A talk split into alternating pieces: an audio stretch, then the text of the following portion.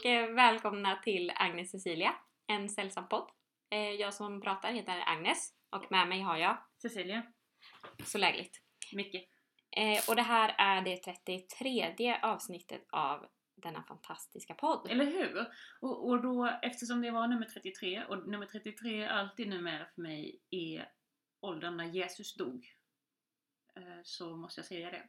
Ja. Jag vet inte vad det, om det har någon betydelse. Eh, nej, men det kanske vi får veta. Frågan är då om det är typ att vi kommer dö. Det Nej, nej, det Eller- kommer aldrig hända. Eller att det här kommer vara en gudomlig upplevelse. Jag tror snarare på gudomlig, faktiskt. Faktiskt. Eh, apropå Jesus, snart är det påsk. Ja, Ska du göra något till påsk? eh, jag ska hälsa på min syster. Om Mm. tågen går. Ja. För att det är ju fortfarande barnarbete planeras i SJs app. Mm. går inte att köpa påskbiljetter någonstans i hela Sverige. Alltså jag trodde verkligen så barnarbete planeras. Ja, ehm, jag tror att ett barn skulle göra ett bättre jobb i det här läget än vad vuxna uppenbarligen gör. Jag vet att det är ju inte SJs, SJs fel att Mm. ehm, de inte kan sälja biljetter utan det är Trafikverket. Men de kanske borde anställa några barn. Ja. Och eh, Trafikverket, eh, det kanske är liksom regeringens fel. Ja, Alla tiders nja, regering. nja, det tror jag inte. Det här har ju varit problem ett tag. Mm. Och det är väl att de har, som alla andra sådana problem bygger på, köpt in ett program som ingen förstår sig på och som inte funkar. Ja. Alltså det är så... Ah, Har vi inte gjort det här felet tidigare? Eh, Köpa in ett dataprogram som inte funkar och som ingen förstår. Eller bygga en bro som inte funkar. var du en av dem som klättrade över Hisingsbron? Alltså nu lämnar vi ju bok. Ja, men det här men är det här är ändå viktigt. Det är värt att skriva en bok om känner jag. Ja, Alltså vi bor ju i Göteborg. Ja. Eh, och eh, här byggdes en bro väldigt nyligen som det lades väldigt mycket pengar Ja. för att bygga.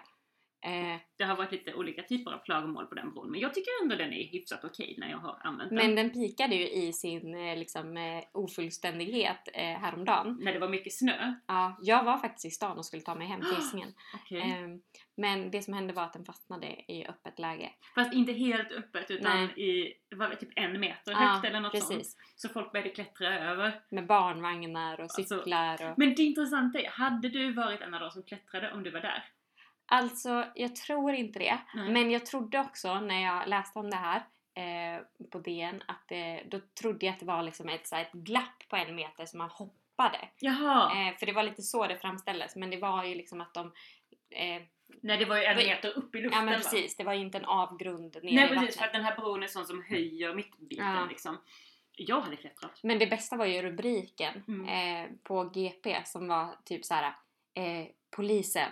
Det är kalabalik på Hisingsbron. Det är ju så åh gud. Nej men jag hade klättrat. Alltså på riktigt, de hade stegar. Alltså det spelar Ja. ju ingen roll, vad ska hända liksom? Nej. Men det känns ju lite såhär när en bro fastnar, då bara är det något mer som är fel här. Men det är ju många saker med den här bron som är Mm. fel. Det var ju något som gick sönder in, ah, innan den öppnade. Men vi kanske ska lämna bron, för vi har Ja. många böcker att prata om. Men det är tips eh, för den som vill skriva en eh, bok om Mm. eh, någon liksom verklig händelse. Så spännande tror jag inte det. Men det kanske kan bli. En sån eh, vampyrdrama Ja, ja på precis. Eller, eller en deckare tänker jag. Ja. Man heter helt plötsligt Mm, bron som försvann. Vart är det? Det hände faktiskt i en Ture Sventon-bok att ett slott försvann. Är det sant? Mhm. Ja. ja, men jag säger ju det. Det är som gjort för eh, en bok. Men eh, det om Hisingsbron. Ja. Eh, vi ska prata böcker. Och Exakt. som vanligt har du läst fler böcker än mig så jag Ja. tänker att du får börja Det, prata. det är inte så många fler, men Nej. okej. Då ska vi se. Ehm, jag tänkte börja med denna lilla pärla. Den heter Gå med mig till hörnet och är skriven av Anneli Furmark. Anneli Furmark, är det en... Har, skriver hon annat än serieböcker? Låt mig läsa på insidan av pärmen. Hon är en av Sveriges mest prisade serieskapare. Hon debuterade 2002 och har sedan dess producerat en lång rad seriealbum. Så det verkar inte som att hon Nej. gör något annat. Jag känner igen namnet men jag läser ju så sällan serier så jag tänkte att det kunde vara något annat. Jag tänkte också något annat, men jag tror att man blandar ihop henne med någon annan Anneli. Mhm, Men jag tänker Furmark, att det är Ja, det som... Skitsamma. I alla fall. Den här boken ehm, har jag, jag tror att det är en sån bok som jag har läst om i sociala medier. Typ, Mm. och tänkt den här vill jag läsa. Och nu var den på bokrean. Så Ah. lägligt. Och alltså, den var så bra. Är det den som du har skickat bilder? Ja, det är det. Jag har skickat en bild. Ja. Men i alla fall. Eh, lite om handlingen är att den handlar om en kvinna som heter Elise som är 50 någonting, 56 kanske? Jag tänker att hon är 56. Vet inte om det sägs, men typ så. Hon är gift med en man som heter Henrik. De har ett väldigt lyckligt äktenskap liksom. Älskar varandra. De har vuxna barn som har flyttat hemifrån. Allt är fint och bra. Men Elise går på utställning och där träffar hon Dagmar. Mm. Ah. Och eh, de blir eh, väldigt passionerat förälskade i varandra. Och de bor i olika städer. Det sägs aldrig vem som bor var eller i vilken Nej. stad. Men jag tror att någon av dem bor i Norrland. Jag är inte helt Mm. säker. Men det kändes som det. Mm. Eh, och de inleder en relation också. Och eh, Dagmar är också gift. Och hon har, och har två barn som verkar vara yngre tror jag. Eller så här, de bor åtminstone hemma typ. Är det en hemlig relation eller Nej, är de öppna? det är inte hemligt. Ehm, utan de är öppna med sina Mm. partners liksom om det här. Och Elise berättar då för Henrik. Eh, och han blir lite såhär, jaha, ehm, vad ska jag göra med den här informationen? Vad vill Ja. du göra? Hon bara, jag Ja. vill inte skilja mig. Alltså att hon slits liksom mellan de här två relationerna och den relationen med Dagmar är ganska omöjlig då för Ag- Dagmar vill inte heller lämna sin fru. Ja, så det är liksom, det, är väldigt, väldigt känslomässigt. Jag är inte riktigt beredd på det Nej. i den här serien liksom. Nej, för hur blir det i ett serieformat? Jo men det Så- blev bra. Ah. Eh, det blev väldigt tydligt och liksom sådär, och det är ändå ganska mycket text och sen så mycket så här liksom eh, ja men om du tittar så blir alltså ansiktsuttrycken liksom. Ah. Och de gör slut och sen så gör de inte slut och det ena och det andra. Och det är också liksom så här att de skriver men de skriver sms och chattar och liksom sådär så det är också med liksom Ah. I boken och, ehm, och det här är också en rolig när, jag kommer inte ihåg exakt vad eh, Jo men det här när hon blir arg på sin man och då ritar hon sig själv som Selma i Lilla Fridolf som försöker slå någon med en kavel.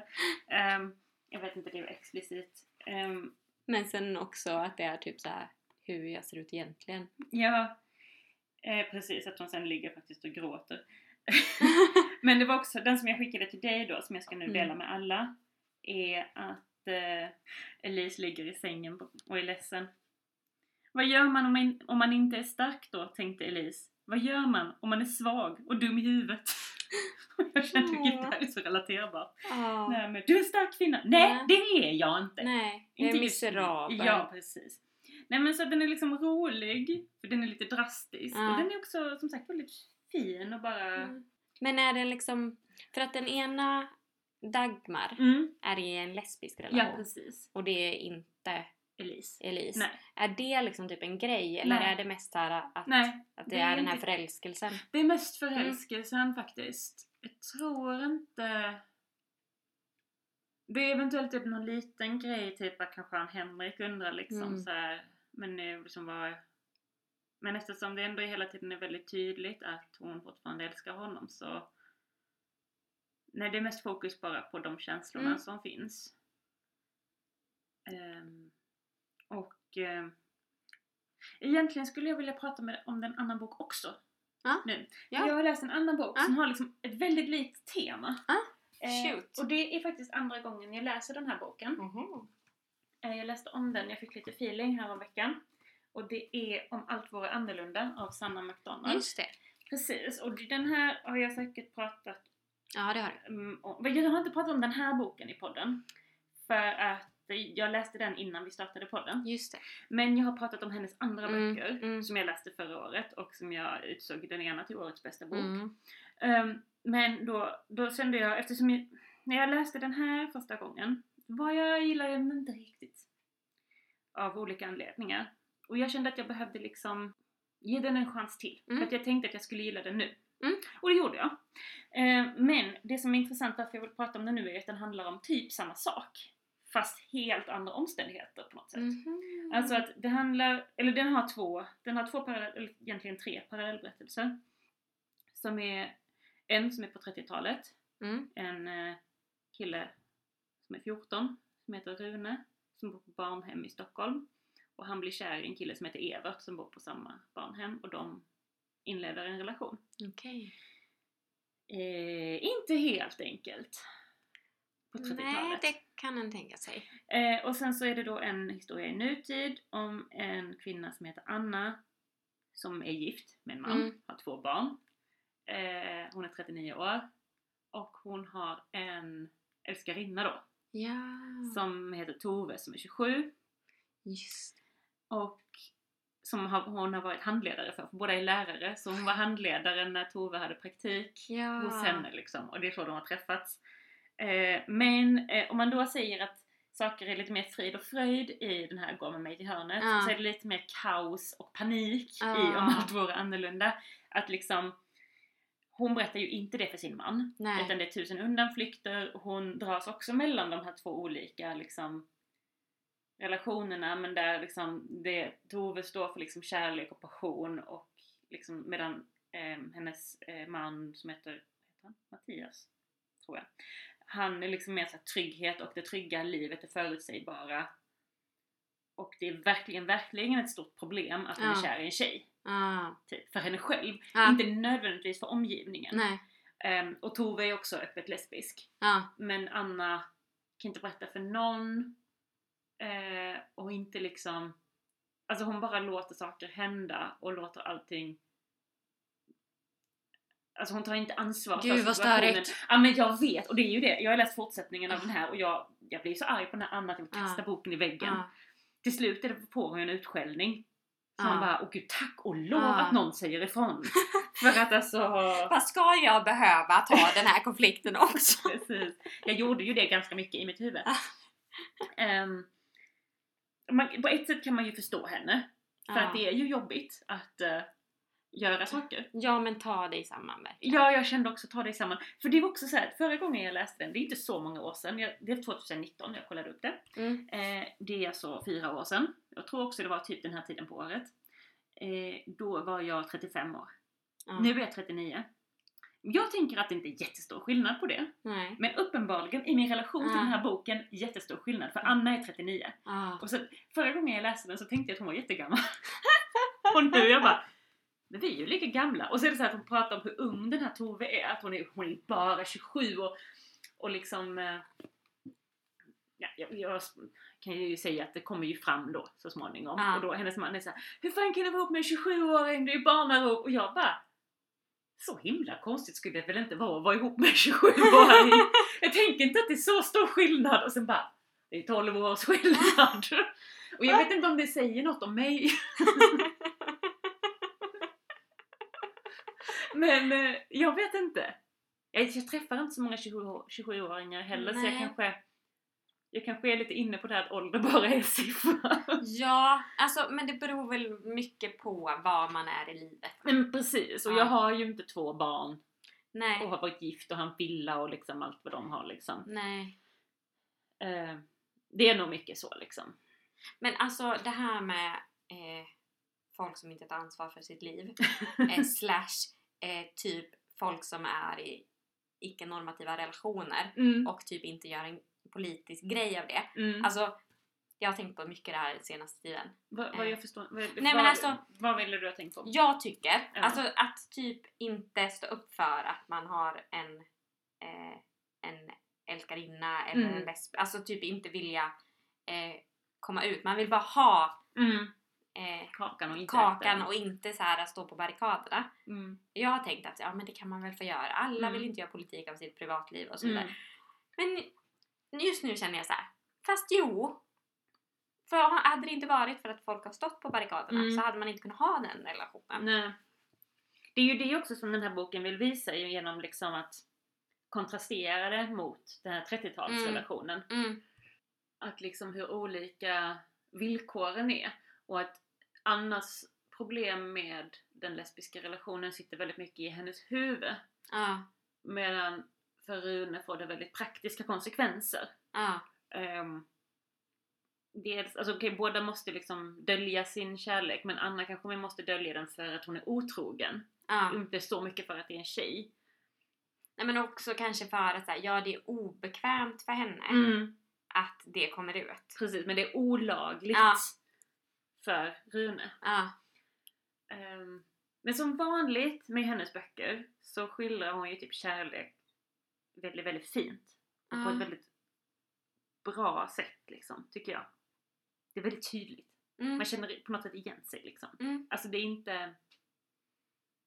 Det är inte hittepå Men är det, kärleken. är det förutsägbart eller? Jag vet, det- nu är det ju andra gången jag läser. Nja, ja, jag vet inte. Jag vet inte om det spelar så stor roll. Nej. Jag skulle säga att så här, det är inte liksom... Den är på, en, på ett sätt väldigt så händelsedriven. Men jag har redan sagt att till exempel hennes man får veta. Ja. Och det- kan man väl på ett sätt tänka är en rimlig... Ja. Alltså det kanske på ett sätt är förutsägbart. För man Ja. fattar att det här kommer inte hålla. Nej. Men det spelar inte så stor roll på något Alltså man vill ändå... Jag, jag kommer ihåg även första gången jag läste den på, på slutet så var det som att jag, jag bara turboläste. för att jag bara Hur ska det gå? Vad kommer hon göra? Man ser, för man ser katastrofen komma Ja, och man vet åh. liksom Man ser ju att den kommer men man förstår inte hur den ska komma. Nej. Nej. Riktigt. Eh, och det, det tycker jag är bra Ja. när det är så. Och det spelar egentligen ingen roll om man vet hur det ska gå Nej. för att Men är det Ja. liksom välskrivet och det känns liksom Ja men det tycker jag. trovärdigt så Ja, ja. spelar ju inte det någon roll kanske. Precis. Nej men precis. Det kan också vara lite skönt att, alltså, att veta typ så här var det kommer landa. Det tänker jag så här med väldigt bra ungdomsböcker. Ja. Alltså de slutar ju oftast relativt lyckligt. Eller Ja. det finns liksom, det är inte totalt mörker Nej. oftast. Det kan ändå vara ganska skönt att Mm. veta att det landar det kommer att landa. Ja men riktigt så tycker jag inte. Alltså det är inte Nej. förutsägbart på det sättet. För det finns ju ändå en del olika liksom, sätt som det kan sluta på. Mm. Eh, man förstår ju som sagt att ja, någonting kommer ju hända. Mm. Men jag menar det kan ju sluta med att hon skiljer sig. Mm. Det kan sluta med att hon gör slut med Tove. Mm. Det kan sluta... Ja, det är väl egentligen de två. Eller det kan sluta med att Mm. och Tove blir ihop och Ja. jag vet inte, det finns liksom lite olika Ja. varianter där. Så Ja. det, och det kan man ju inte riktigt förutse Nej. liksom. Ehm, jag gillar väldigt mycket den här och den är väldigt lättläst utan att vara liksom utan att kännas enkel. Ja. Jag gillar det. Mm. Ja men eh, kul med eh, två så bra böcker och som också så här går in i varandra Ja. lite grann. Och det var, jag läste först om allt vore annorlunda. Um, Gå med mig till hörnet läste jag sen och jag, jag visste ju typ vad den handlade om men jag tänkte liksom inte på att det var lite Nej. samma Nej. tema. Eh, så det var inte förrän jag började läsa den som jag bara började kontrastera dem mot varandra liksom och var så här. Nu blev det visst samma sak två gånger på raken. eh, men det är ju kul, eller det kan ju vara intressant när det Ja. händer. Så, ehm, men ja. Känner du dig intresserad av någon av de här eller? Ja men alltså jag blev, måste ändå säga att jag blev ganska intresserad av båda. Mhm. Jag Mm. tänkte att serieboken skulle intressera dig. Men alltså, för det, jag inser ju att Ja. namnet Sanna McDonald Mm. liksom får mig att tänka eh, typ romance. Ah, Eh, vilket gör att jag så bara avfärdar det. Eh, vilket är ju Dels är det så här, varför ska jag avfärda romance? Och Men också varför varför får det namnet- namnet är? Jag Ja. tänker på det. Det är ju intressant. Det känns som ett så här hittepå, alltså lite så. Men hon heter så? Ja, Ja, men ja, det var ju mer rimligt om du fick dig att tänka på hamburgare. ja. Eh, det avfärdar jag ju ibland också. Kanske framförallt McDonalds hamburgare. Ja. Inte, inte hamburgare, det är gott. Ehm, men, eh, men nu blev jag ju mer sugen för jag vet Mm. ju att du har pratat om hennes innan Ja. och att du har tyckt att de var jättebra. Ja. Men jag inser nu att jag lite såhär bara, ja Jag har ja. avfärdat mig. Ja precis. men, ja. Men nu blev jag ju men jag, vi har ju också lite olika smak så att jag menar det är ju Mm. inte helt liksom... ehm, Nej men jag tror att det är i kombination liksom. Att vi Mm. har olika smak Mm. och att jag kopplar det namnet till typ romance. Eh, och det är inte en genre som jag vanligen uppskattar. Ehm, men eh, nu kände jag ändå att eh, Ja, romance skulle jag ju inte... nej. Det är alldeles för skavigt för att Ja, vara romance alltså. no mans. no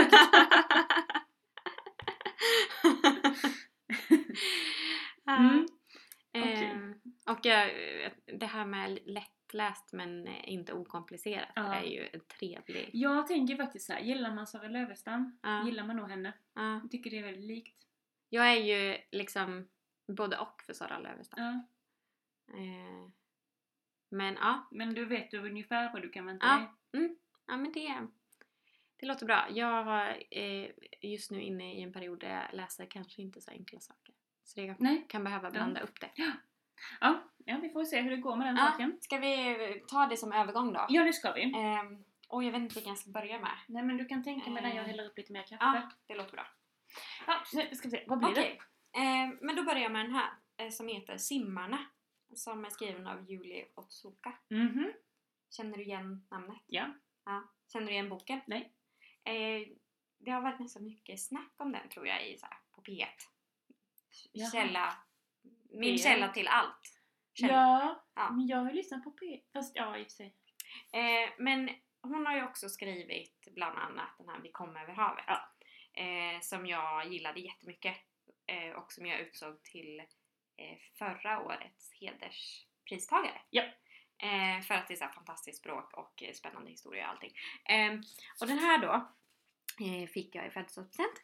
Mhm. och läste direkt. Eh, och som vanligt måste jag ju då säga någonting om omslaget. Jag tycker Mm. det är ett väldigt snyggt omslag. Ja, det är ett väldigt snyggt Ehm, omslag faktiskt. Det är två personer som simmar och så är liksom alltid så vågmönster.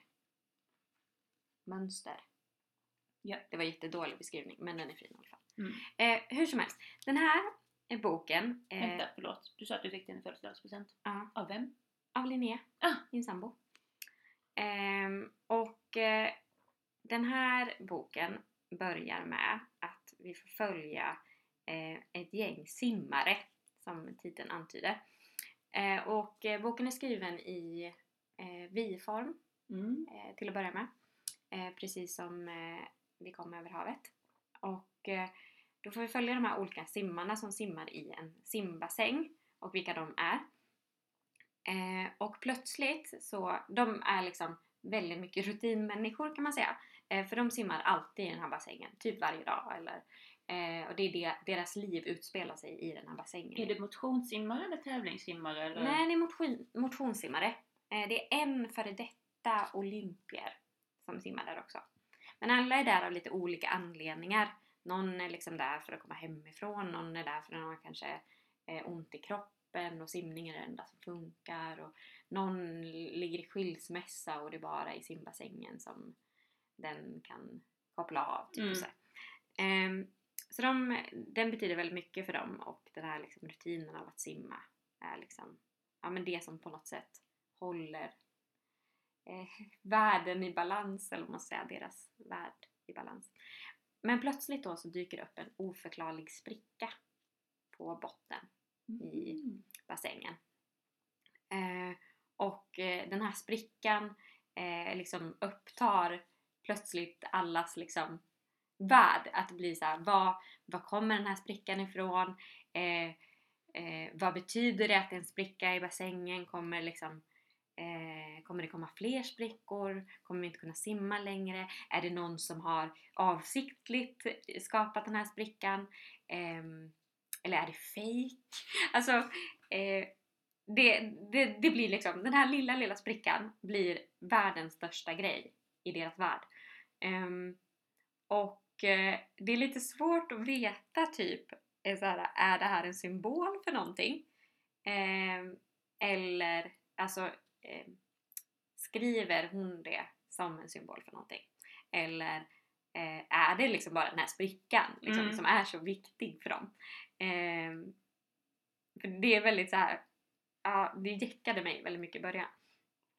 Ehm, men eh, jag tänker att... Kommer den här sprickan upp precis i början eller liksom, Ja. är det en bit in? Eller? Nej men ganska tidigt. Okej. Ehm, för liksom, det, hela boken börjar liksom med att de här olika eh, karaktärerna skrivs fram genom liksom deras relation till att simma typ. Mm. Ehm, jag skulle kunna läsa lite för att eh, ni ska få en bild. Mm. Det här, så här börjar boken. Mm. Den underjordiska simbassängen. Simbassängen ligger djupt under jord, i ett stort ihåligt rum många meter under stadens gator. Vissa av oss kommer hit eftersom vi är skadade och behöver läka. Vi lider av dåliga ryggar, plattfötter, krossade drömmar, brustna hjärtan, ångest, melankoli, anhedoni, alla de vanliga sorgerna som finns ovan jord.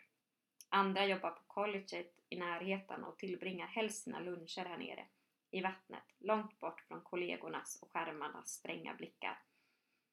Vissa av oss kommer hit för att, om så bara för en timme, fly våra havererade äktenskap på land. Många av oss bor i närheten och älskar helt enkelt att simma. En av oss, Alice, en pensionerad laboratorieassistent som befinner sig i ett tidigt stadium av demens, kommer hit eftersom hon alltid gjort det. Och även om hon kanske inte kommer ihåg koden till sitt skåp eller var hon har lagt sin handduk, vet hon direkt hon glider ner i vattnet vad hon ska göra. Hennes simtag är långa och flödande. Bensparkarna är kraftfulla, tanken klar.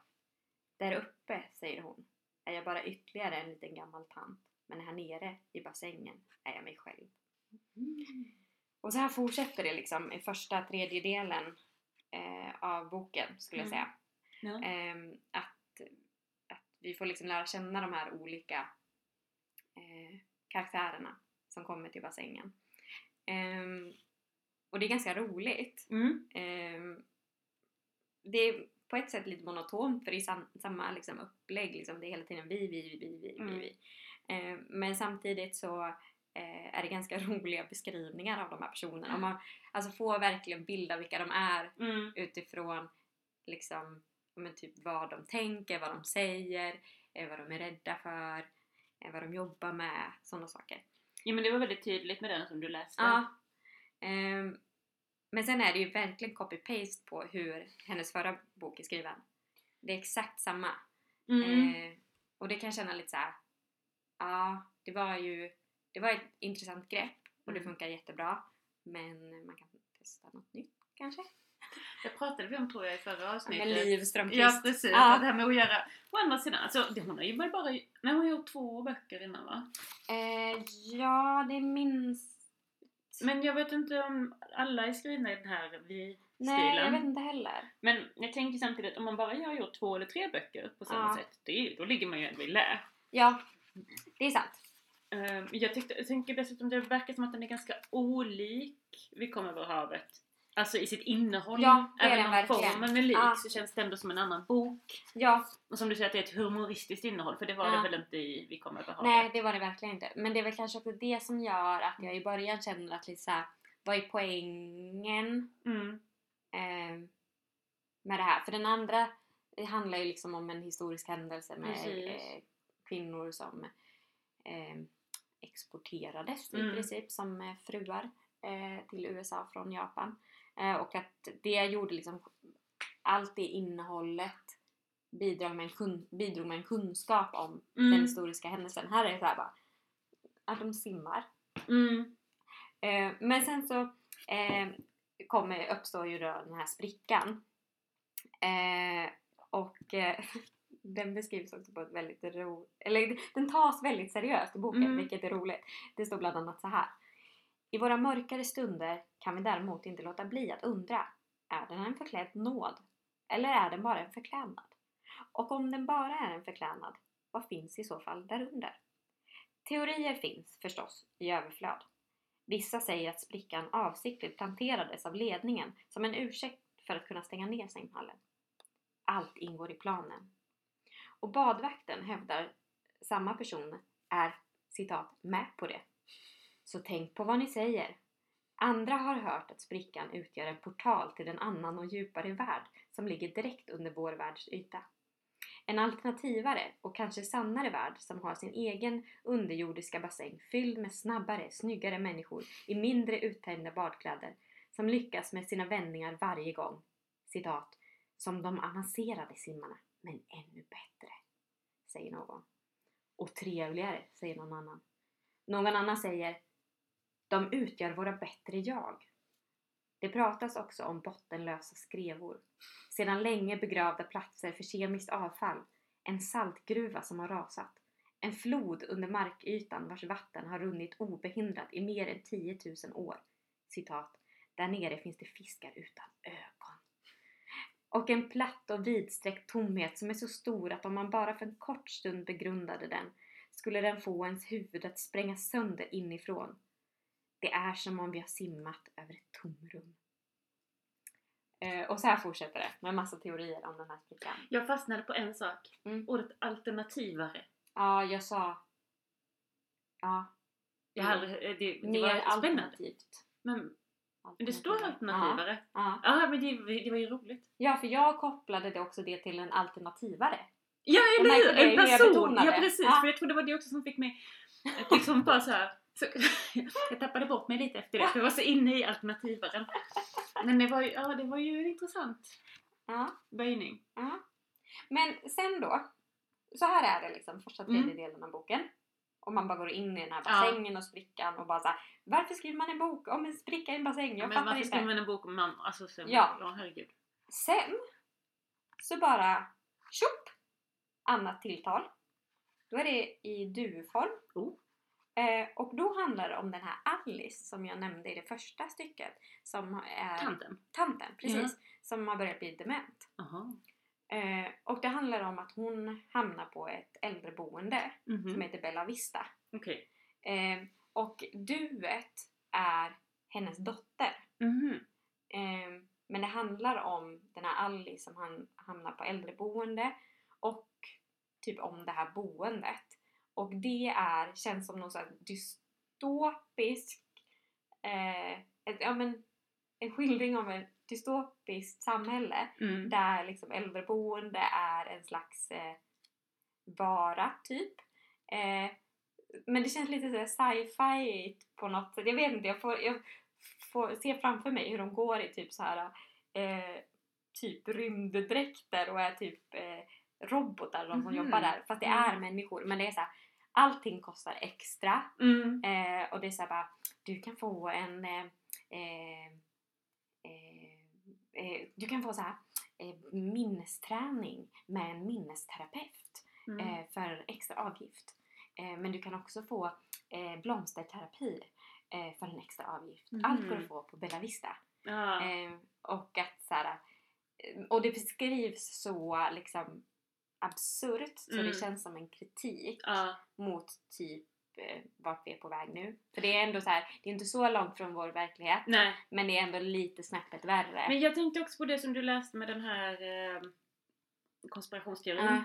Alltså det känns också liksom, där kändes det verkligen som en symbol för liksom ja, men, jag vet inte, pandemin eller liksom Ja. vad som helst som pågår i samhället. Att folk bara har knäppa teorier om liksom Ja men precis, så här, fakta, resistens, fake Ja. news. Ja men och jag tänker också den här, vad kallar det, Pizzagate eller vad det Alltså att vad var det det? är den här Qanon, jag kanske blandar ihop det, men där de tror att Hillary Clinton typ driver ett pedofilnätverk Ja. från en pizzeria i New Jersey ja typ. men precis. Och att det är såhär, man bara, fast på riktigt. Och det är lite samma sak som att den här sprickan i botten. ja, Ja men på riktigt liksom. det är väl bara en spricka. Ja exakt, det, det är inte, den här Nej. pizzerian är bara en pizzeria. Ja, Alltså Ja, sprickan är verkligen. bara en spricka typ. exakt. Eh, så det, det, det känns som att det Mm. är liksom en förtäckt, eh, men jag, fatt, ja, jag vet inte riktigt vad, eh, om det är en så kritik mot något särskilt. Ja. typ faktaresistens eller, eller om det är liksom samhället i stort. Ehm, men, men sen så får man då följa den här Alice och också hur hon liksom går in mer och mer i dimman. Mm, Ehm, och det är ju både det här spåret då av liksom samhällskritik mm, eh, som jag läser in i alla fall. Eh, men också om hur det är att gå in i demens. mm. Både för eh, personen eh, som drabbas men också för de som är anhöriga. Men det där är ju intressant, för hur kan man veta hur det är att gå in i demens? Nej, det är ju väldigt svårt tänker jag. Ja. Men det, det skildrar trovärdigt hur det skulle kunna vara. Mm. Ehm, och som jag förstår det så har i tacket så skriver hon också till liksom olika eh, författare tror jag och om det är forskare kanske eh, som har liksom skrivit om demens tidigare Mm. och åldrande och så. Ja men alltså jag tror, alltså det, i och sig när man har det där begyn, alltså, begynnande Ja. demens då är man ju klar ibland så att då Mm. kanske man på något sätt kan skildra det där. Ja, Eh, Det finns säkert sådana. Det, Det känns här- som att det finns någon sån bok. Det finns ju den här filmen The Father också. Eh, som handlar om en, Jag känner igen det namnet. Men, eh, en, ja. eh, ja, men en man som går in i demens och det Mm. är skildrat utifrån hans perspektiv. Okej. Så, att det, så den är väldigt, jag har inte sett den men Ja. jag, den ska vara väldigt så här, surrealistisk typ, Mhm. för att allt är helt ologiskt Ja. det, han, det han ser liksom. Ehm, men det tycker jag är en väldigt fin, en fin och också ganska eh, tung skildring. Ja. Men den kommer också lite såhär, oj! Ja. Nu, nu handlar det om det här. Men det är lite konstigt när det är så att man såhär dumt, dumt, dumt, jaha? Alltså ibland så är det Ja. logiskt med liksom när saker, det blir någon övergång eller sådär. Ja. Men ibland så man bara, ja men när man blir överrumplad då känns det mer som såhär, alltså du kommer inte på någon övergång. Nej men det känns lite som att så här, eh, den första delen skulle kunna vara en novell. Mm. För noveller kan ju vara lite så här. oj, Mm. eh, nu handlar det om det här och nu var det slut. Ja. Eh, och att sen typ att hon kunde ha plockat ut då en av de här karaktärerna, Alice, Mm. och skrivit en roman. Ja. Men att det, det har satts ihop till en roman. Ja. Eh, så det tyckte jag var lite förvirrande. Ja, jag Ehm. förstår det. Jag gillar liksom egentligen båda delarna, Ja, men på väldigt olika... de hänger inte ihop liksom. Nej. Och alltså det, jag läste för några år sedan ehm, en tetralogi av Kerstin Ekman, Mm. fyra böcker alltså. Mm. Och jag hade då liksom, om man säger, jag hade de här böckerna hemma så det Mm. var liksom i en upplaga där liksom två böcker i en det. bok och två böcker i en Mm. annan. Jag började läsa, tyckte den var bra, liksom de första två böckerna var bra. Tredje boken bra, kommer fjärde boken, handlar om något helt annat. Och var typ så här, jag tror att det var, var att de första tre böckerna, det här är den, den liksom bokserien kallas för Kvinnorna och staden. Mm, det. Och de tre första böckerna handlar om typ Katrineholm, det sägs Ah. inte det, men det är liksom hela stadens framväxt från Ah. 1800-talet fram till typ 50, 30-tal kanske, Ah. något sånt. Fjärde boken handlar om en person som visserligen finns med i bok tre, Ja. men det har liksom gått typ tre decennier eller något och den handlar typ om en psykos. Mm. Ja, Alltså men, hon har typ en psykos och jag bara så här, det är liksom bara, man är bara inne i hennes sjuka hjärna. Och det är så här, jag bara Va? Ja.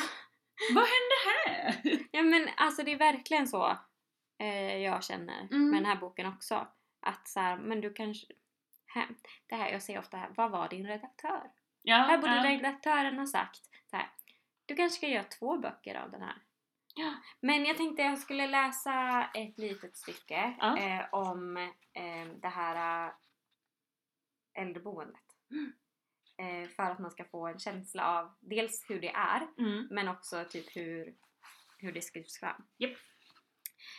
Några fakta om din sjukdom. Den är inte tillfällig. Den är progressiv, svårbehandlad och oåterkallelig. Slutligen är den, precis som livet självt, dödlig. Medicineringen kommer inte att bromsa den.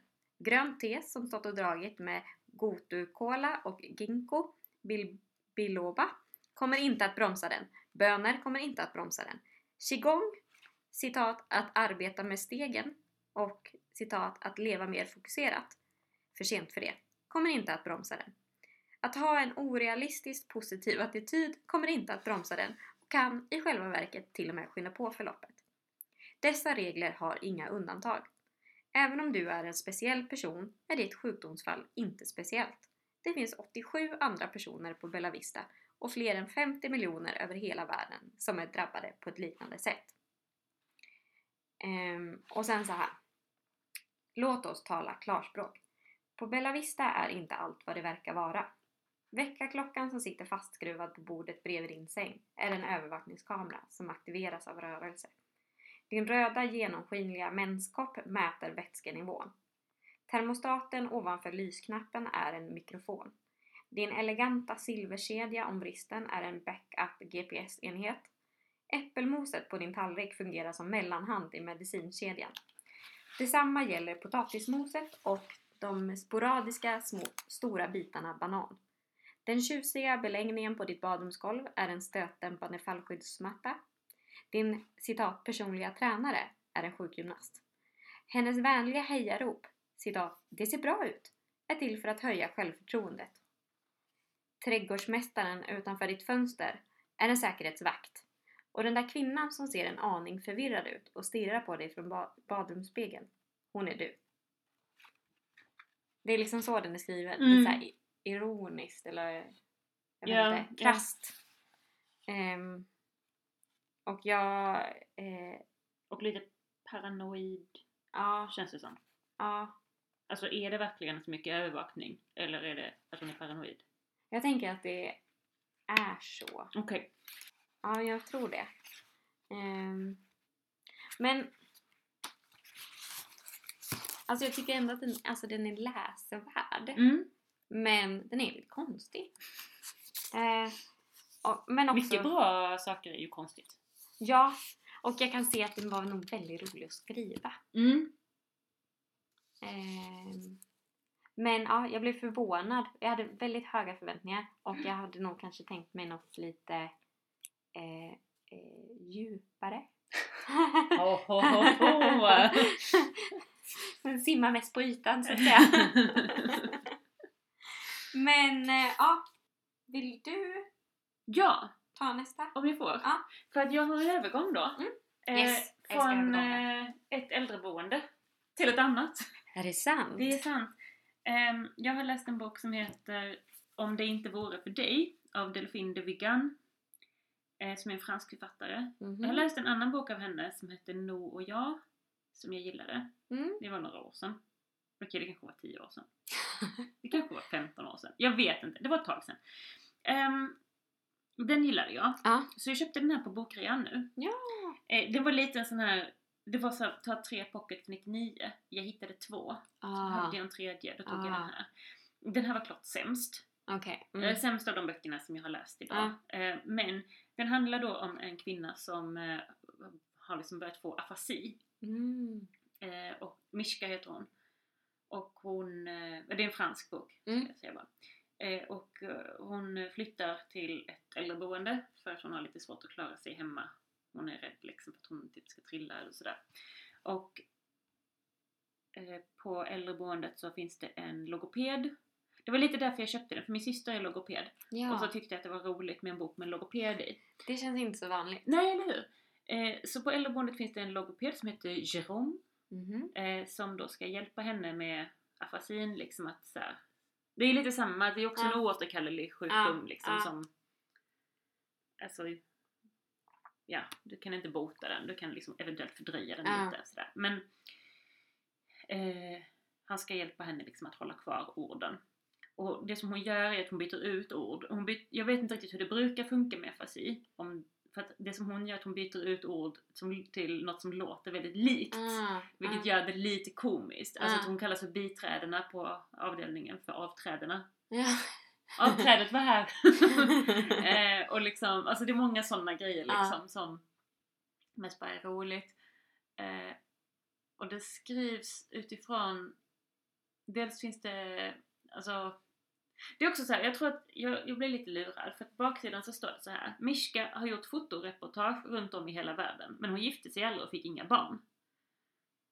Eh, nu när både minnet och orden börjar svika henne tvingas Mishka inse att hon inte längre klarar sig själv. Låter intressant Mm. någonstans. Mm. Handlar absolut inte om detta. Nej. Eh, det här med att hon inte har barn kommer typ aldrig upp.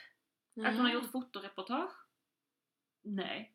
Det, alltså, man tänker liksom att det ska spela någon roll. Nej, det spelar absolut ingen roll. Ehm, men hon har då en, hon har, det visar sig att hon har tagit hand om en tjej som hon bodde granne med. Som Mhm. verkade ha väldigt dåliga hemförhållanden. Mm. Ehm, så hon har tagit hand om den här Marie som hon heter. Och Marie, Marie och Jerome är liksom de som är berättare. Okej. Så att det är så här ett, en del där Marie berättar, en del där Jerome berättar. Ja. Och så berättar de om Mishka och vad som händer henne så. Ja. Um, Mishka, när hon var liten så ehm, blev hon bortlämnad eh, under andra världskriget. Okej. eh, för att eh, hela familjen skulle deporteras till koncentrationsläger. Men då lyckades, naturligtvis lyckades mamman smita iväg med henne. Hon bara lämnade henne i ett hus och var så snälla ta Ah. hand om henne tills, liksom, tills jag kommer tillbaka. Men båda föräldrarna dog i koncentrationsläger. Men i tre år bodde hon i det här huset med ett par som tog hand om henne. Och sen efter tre år så kom typ hennes moster och hämtade henne. För mostern hade fått liksom en beskrivning av mamman var hon var Ah. lämnad. Så lyckades hitta henne då. Och hon visste inte vad det här paret som tog hand om henne hette i efternamn. Nej. Så hon försökt hitta dem. Okej. Och då ska då Marie och Jerome ska hjälpa henne hitta dem. Ah. Det är lite samma mission. Men någonstans, det låter, allt låter bra och trevligt. Ja. Jag bara kände absolut ingenting för den här boken. Den var Mm. så intetsägande. Alltså, det är konstigt. Ja, det låter liksom jättebra. Och jag bara läste och läste bara, jaha.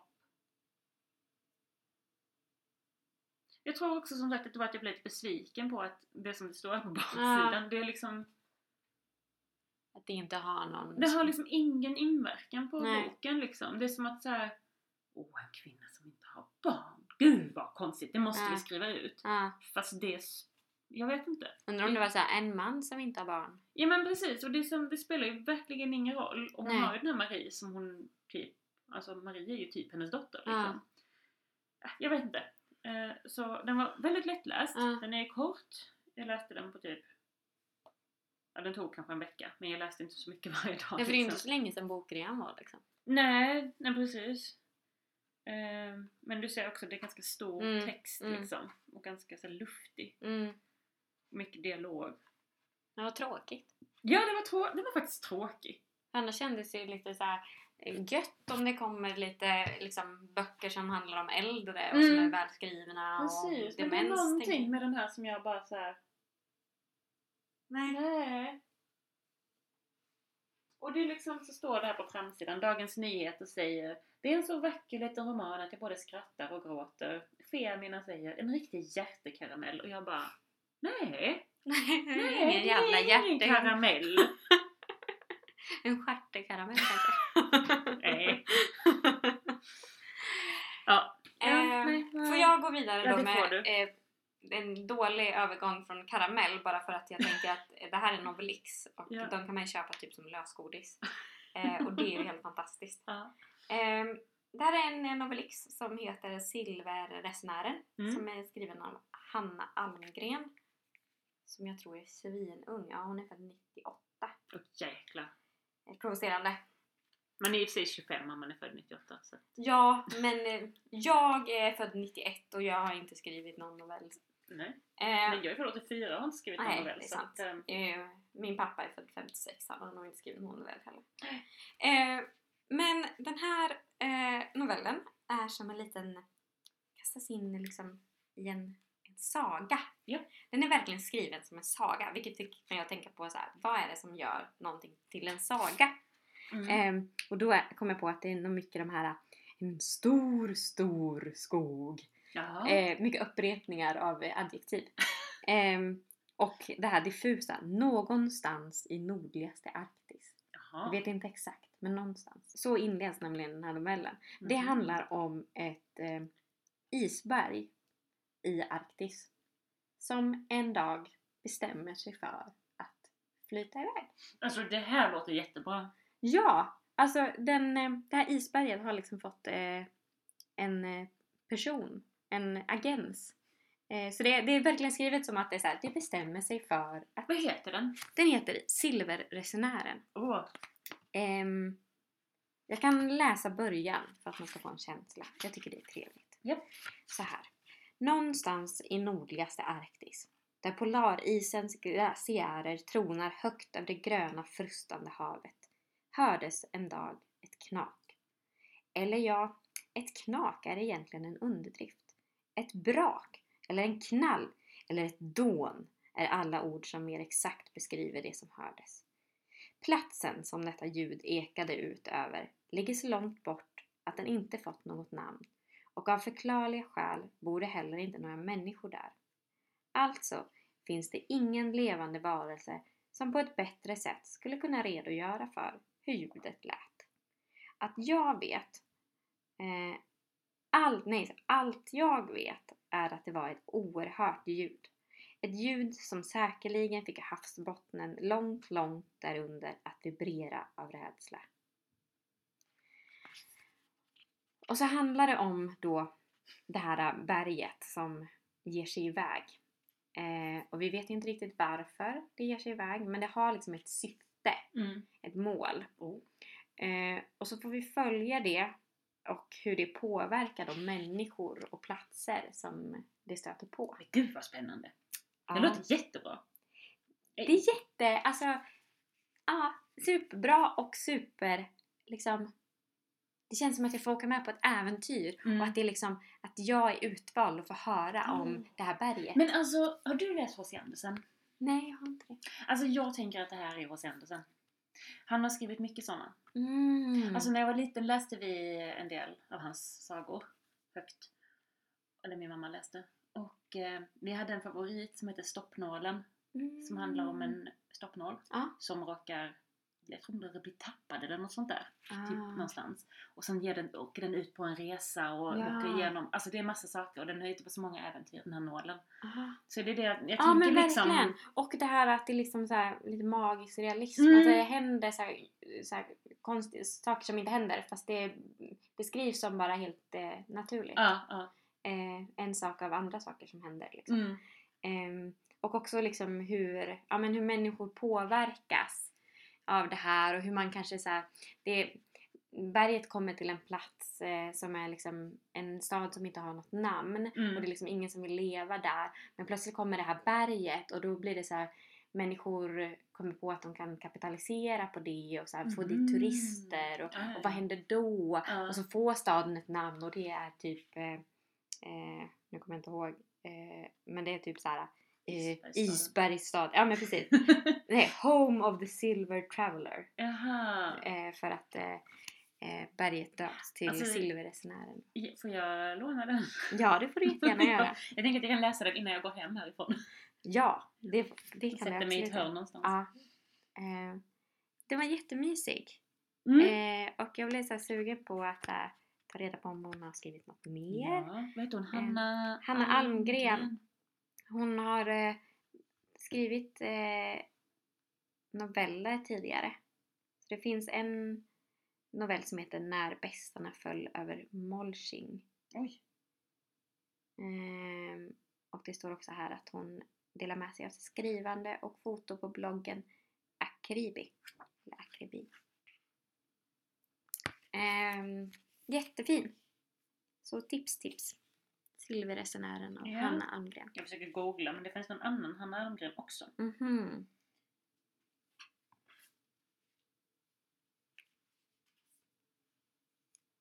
Hon har gått på samma gymnasieskola som mig. Är det sant? Mhm. I Lund? I Lund. Katedralskolan. Det var det värsta. som vi säger. Ja, just det.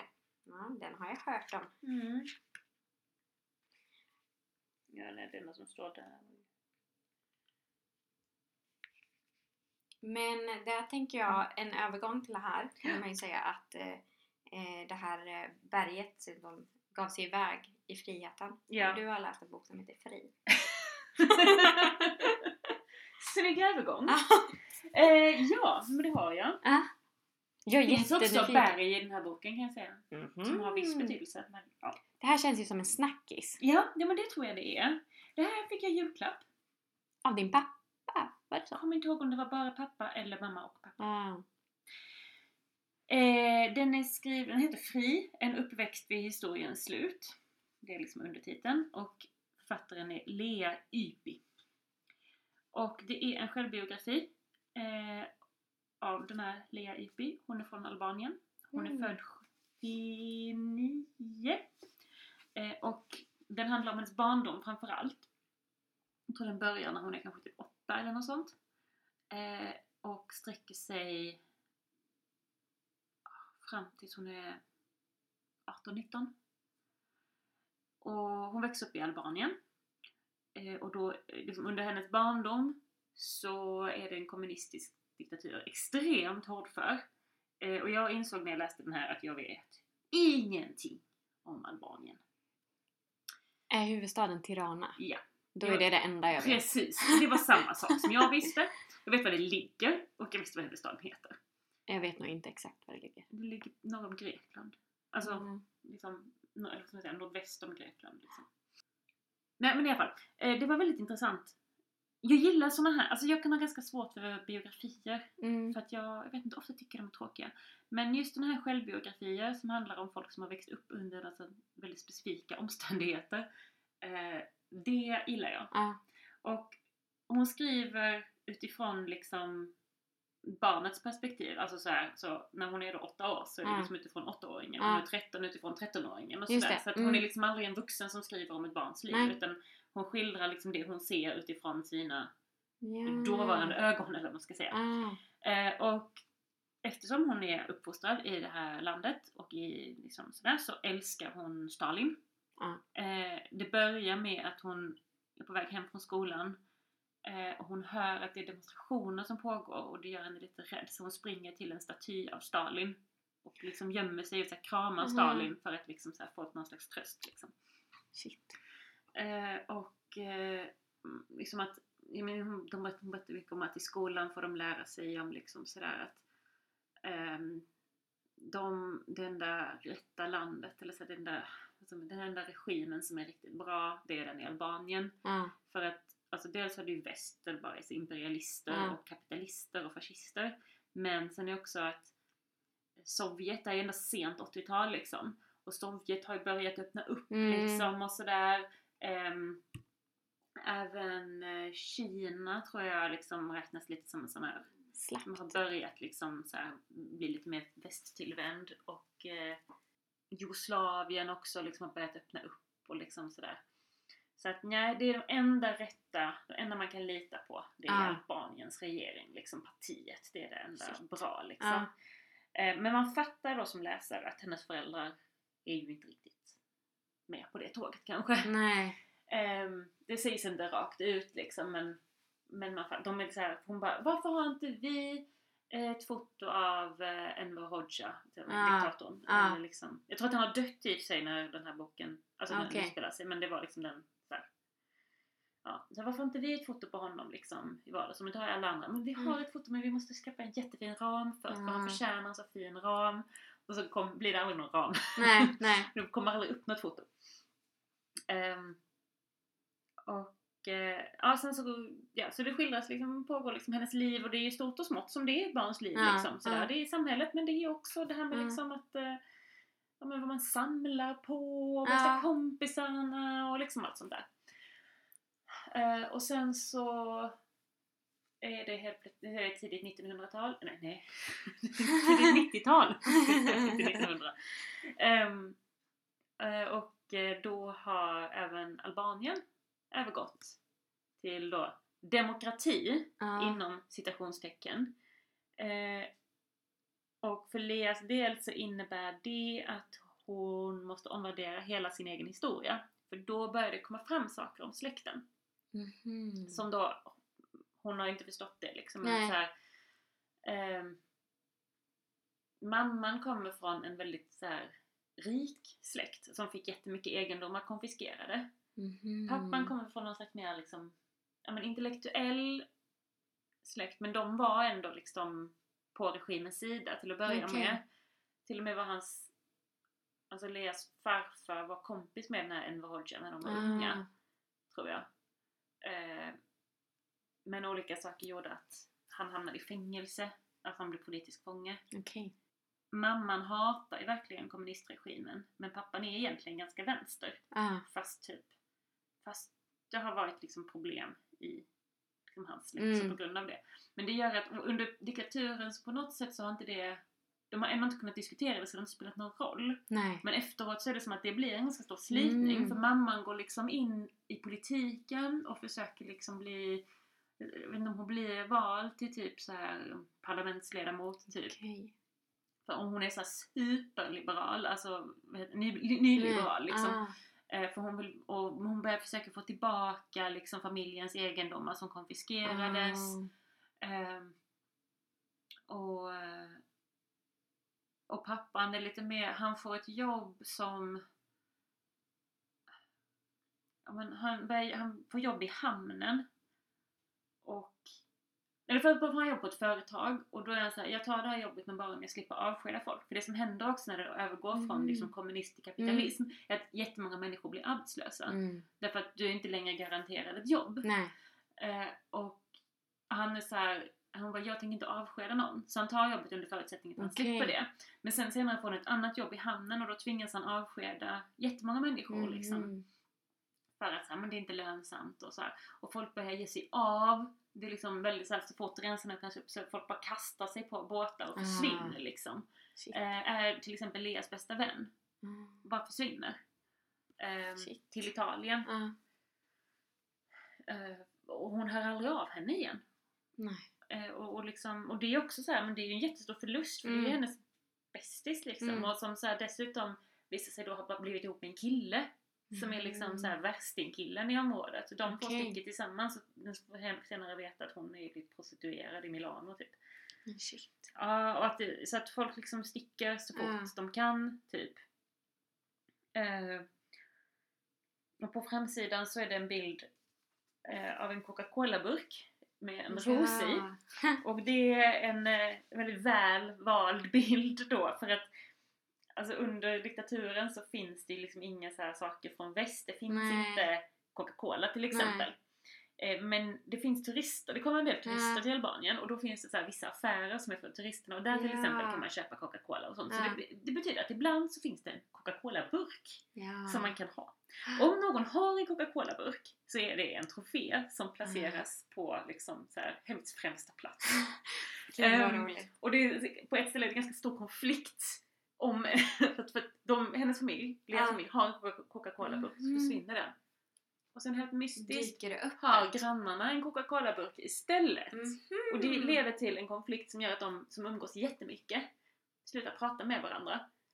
Tills Lea rymmer typ och tvingar dem att samarbeta. Ja. Så jag kommer, hon rymmer och klättrar upp i träd och typ, dels letar de skitlänge efter henne och sen Ja. är de såhär, jag kommer inte ner förrän ni börjar umgås du. Men Och då är de såhär, okej. Ja men jag vet inte, det är väldigt intressant.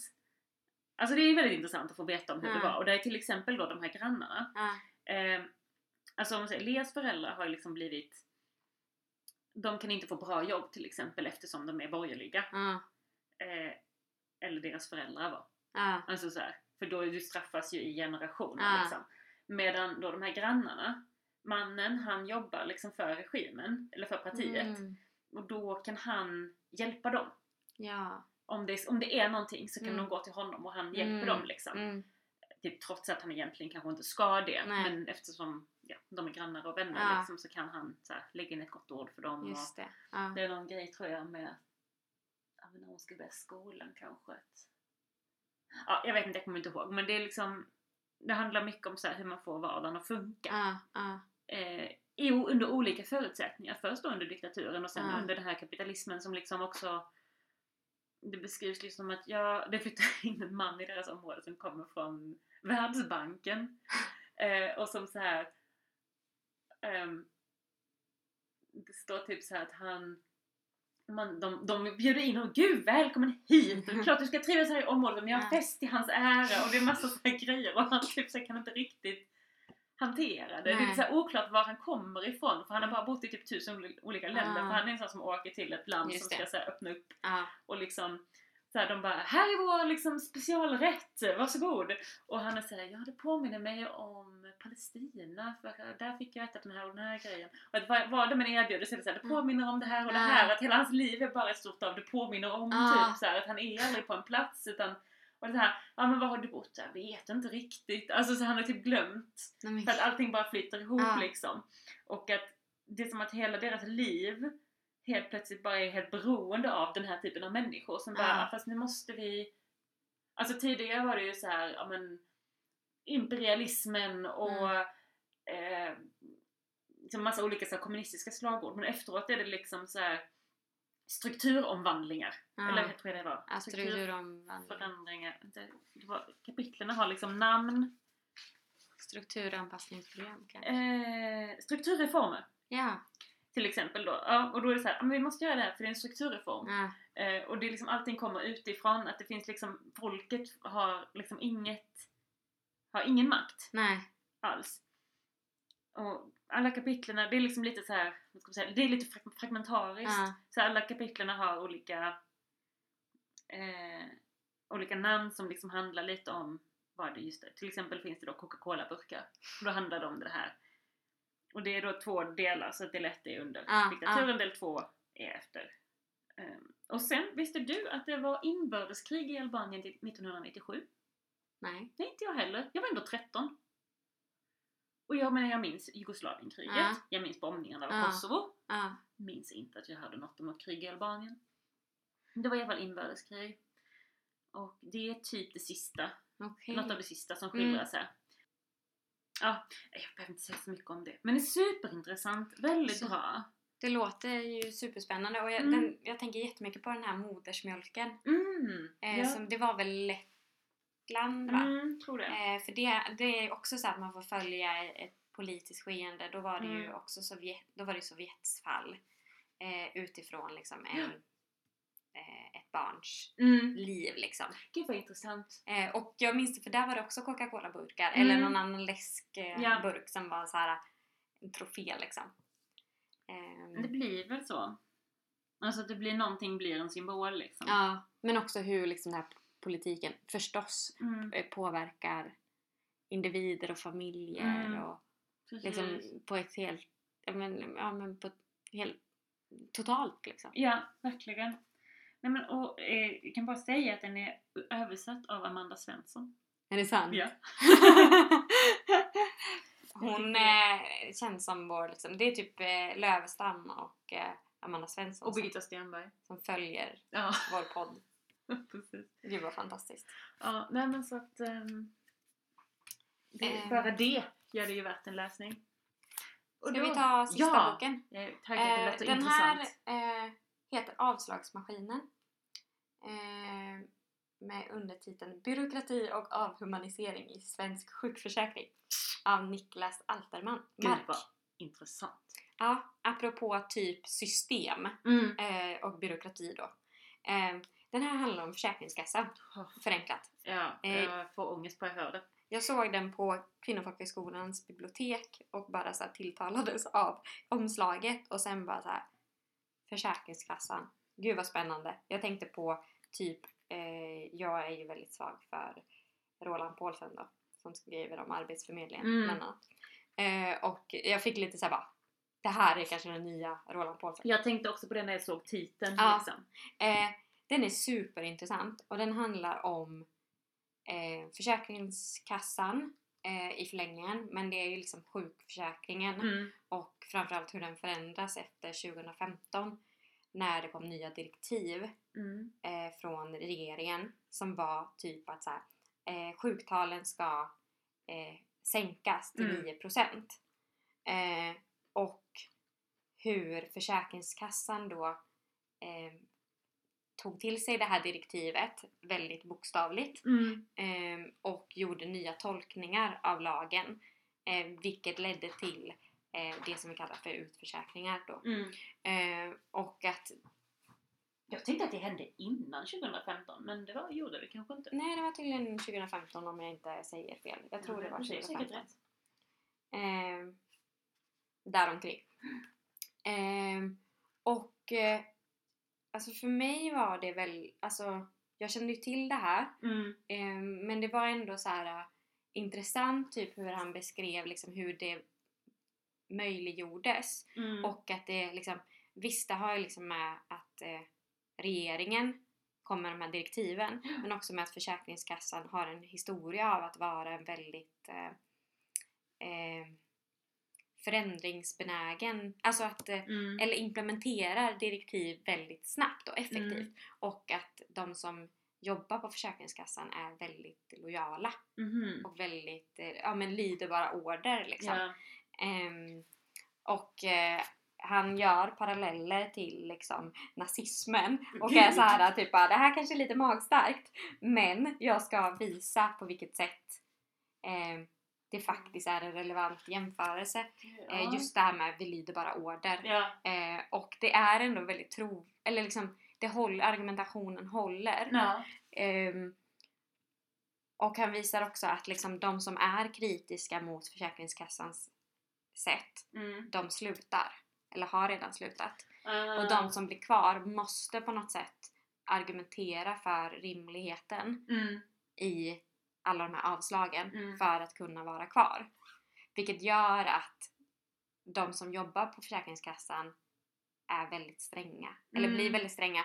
Och också att det här gör, görs under någon slags flagg av ehm, alltså legitimitet. Ja. eh, att så här, fast lagen säger att Mm. eh, och därför måste vi ge avslag. Fast han visar då, Niklas Altermark, Mm. visar att lagen säger inte alls det. Nej. Men Försäkringskassan har gjort den tolkningen att det är rättssäkert Mm. att säga nej eh, på en förfrågan om sjukpenning. Mm. Eh, fast rättssäkerhet är ju att är du sjuk så ska du få sjukpenning. Mm. Men Försäkringskassan har tolkat det som att eh, eh, att säga nej är rättssäkerhet eh, och ge avslag. Mm. Vilket blir helt blir bisarrt för att då visar sig också att de som då får sjukpenning Ja. det är inte de som är sjuka utan det är de som lyckas få en läkare som kan skriva ett sjukintyg Mm. eh, som följer Försäkringskassans eh, idé om Mm. hur ett sjukintyg ska se ut. Eh, Jag tycker det är intressant när man ja, behövde ett sjukintyg för några år sedan. ja, Och då så, så var det liksom så här, då så satt läkaren där och var så här, nu ska, jag ska skriva det här så att, eh, man, liksom, så att Försäkringskassan förstår typ.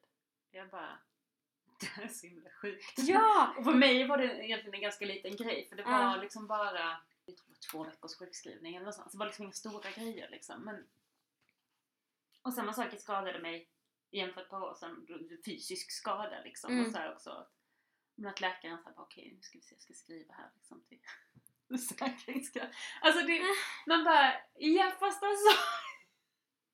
ja, Ja, men, ja men det är alltså bisarrt. ja men det är, det är verkligen så bisarrt. Men och det som är, det som jag tycker är absolut bäst i den här Mm. boken, det var liksom andra halvan, Mm. skulle jag säga, har ett mer liksom så här arbets, arbetskritiskt perspektiv. Ja, Eh, vilket jag är ju svag för. ja. Men det gör också en, han refererar till en, en forskare som jag inte kommer ihåg vad den heter. Men som beskriver, alltså visar på hur att söka sjukpenning ja. är ett arbete. Ja. Och de som söker sjukpenning, det är ju de som inte kan jobba Ja. för att man är för sjuk. Men för att få sjukpenning måste utföra de här olika arbetsuppgifterna som är eh, Alltså alla som har försökt få sjukpenning eller liknande vet ju att det är typ komplicerat. Ja. Men just att det beskrivs som ett arbete gör det väldigt så här, tydligt att Ja. hur, ab- hur absurt det är. För att det är så här, du ska kunna eh, typ skriva ansökningar. Mm. Det är, många jobbar med det. Eh, du ska typ så här, eh, sitta vid en dator, sitta i telefonsamtal. Du ska kunna nätverka. Du ska kunna argumentera för din sak. Eh, du ska vara tillgänglig. Du ska hålla massa kontakter samtidigt Mm. med så läkare, med handläggare, Ja. kanske med någon så här, mm, arbetsterapeut, Mm. eh, med olika sjukvårdsinstanser. ehm, eh, som kräver, alltså det är ju arbetsuppgifter som Ja. andra människor får betalt för. Ja. Men här är det ett arbete som du gör och du vet inte ens om du får betalt. Nej. För eventuellt får du avslag och Ja. då får du inte betalt. Och det du får betalt är jättelågt Mm. eh, jämfört med vad någon som skulle utföra samma typer av arbetsuppgifter i ett arbete Åh, skulle få. Ja, men alltså jag eh, jobbar ju som SFI-lärare Ja. och för ett par månader sedan hade jag en elev som blev sjukskriven och skulle söka sjukpenning ehm, för att hen har ett jobb. Eh, och bara så här, kan du hjälpa mig typ? Och jag bara ja. För att mina elever, de flesta, är inte så himla digitala. Och du Nej. kan bara göra det här digitalt och det är bara på svenska. Um, Okej, fine att det är bara på svenska. Jag kan, Ja. Det kan jag ändå köpa Ja. liksom, för det, vi, vi är i Sverige och så. Men då... Och hon är väl, den här personen är väldigt bra på svenska. Eh, men inte på den typen av svenska. Nej. Och, och liksom... Men just att det är digitalt och du måste klicka rätt och det är så här.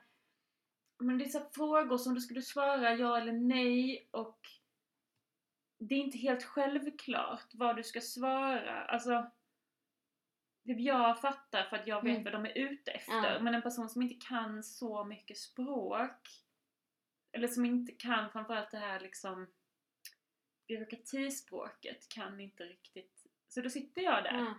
och hjälper till att söka. Och jag är så här, för hon var så här, ja men jag kan gå till, eh, vad heter det? Det finns ju nu något så här besökskontor. Ja, mm. Sven, heter det svensk sånt service? Medborgare, nej inte medborgarservice. Nej, Det heter någonting med service. servicekontor eller något sånt. Ja precis, som är då Statens Ja, Ja servicecenter. precis. Som är då Arbetsförmedlingen, Försäkringskassan och Skatteverket. Skatteverket. Liksom. Ja men då ska den här människan, som är för sjuk för att jobba, Ja. eh, gå dit, Köa. köa. Man går ju förbi de där centren och det är fan 100 meter Ja. kö. Det är ju Ursäkta men Sovjet, alltså Ja. det är samma som i Ja. den här Fri, att de köar i jävla evighet. Och sen kommer man fram till någon som säger så här, eh, gör det på eh, På hemsidan. internet, Ja. precis. Och man bara, ja. Alltså du vet inte hur många digitala grejer jag Ja. hjälper till med. Det är Jo. Arbetsförmedlingen, Ja. det är det ena och det andra. Det är liksom, det är Försäkringskassan. Alltså du måste vara jättedigital för att söka SFI. Ja. Du kan typ, nu har de i och för sig öppnat sitt kontor igen. ja. Men ett tag var kontoret stängt. Flera år Nej, var deras alltså- kontor stängt. Nej men det är helt bisarrt. Man kunde söka SFI om du liksom inte hade bank-id. Nej men alltså. Jag fick sitta och argumentera i telefon i en timme med en handläggare för att boka möte åt en person som inte hade bank-id. Ja. Jag bara, de bara "Ja, men, det är faktiskt pandemi. Jag bara, det är fan inte pandemi längre för det här var typ Mm. i somras. Ja.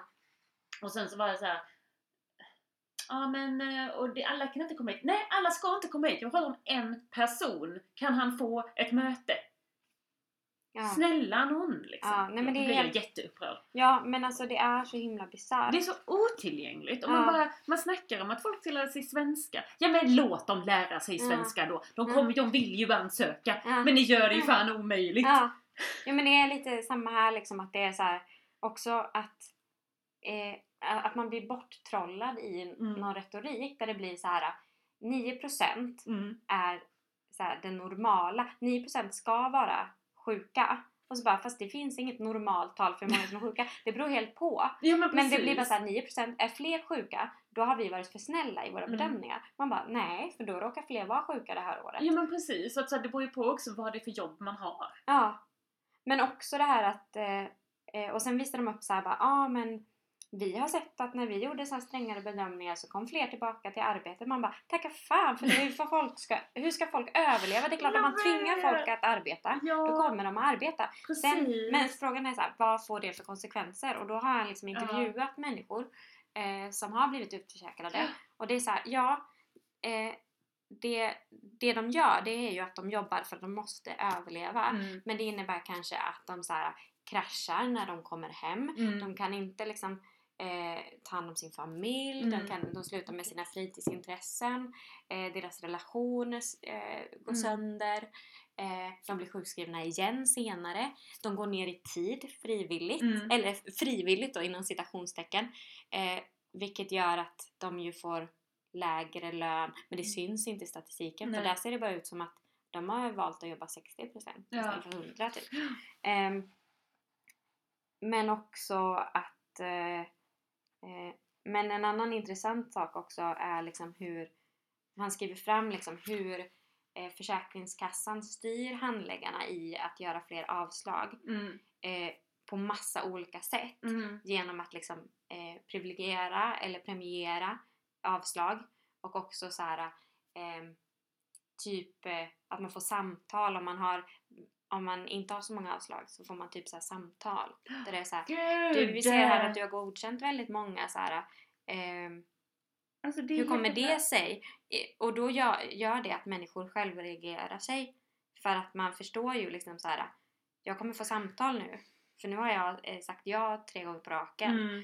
Ehm, Och de är också människor som liksom behöver ett jobb. Ja, och vill göra, vill göra bra på jobbet. Ja men precis. Och så här, vill ha kvar sitt jobb. Ja, och att de har väldigt mycket att de jämför siffror mellan olika kontor. Typ att så här, Aha. ja, nu ligger vi på 10% här. Nu har vi en procentenhet kvar så är vi nere på 9% sjukskrivning. Eh, då, och är vi nio på, på 9% då gör vi ett rätt jobb. Mm. Men när jag har vi 12% då fattar vi fel beslut. Mm.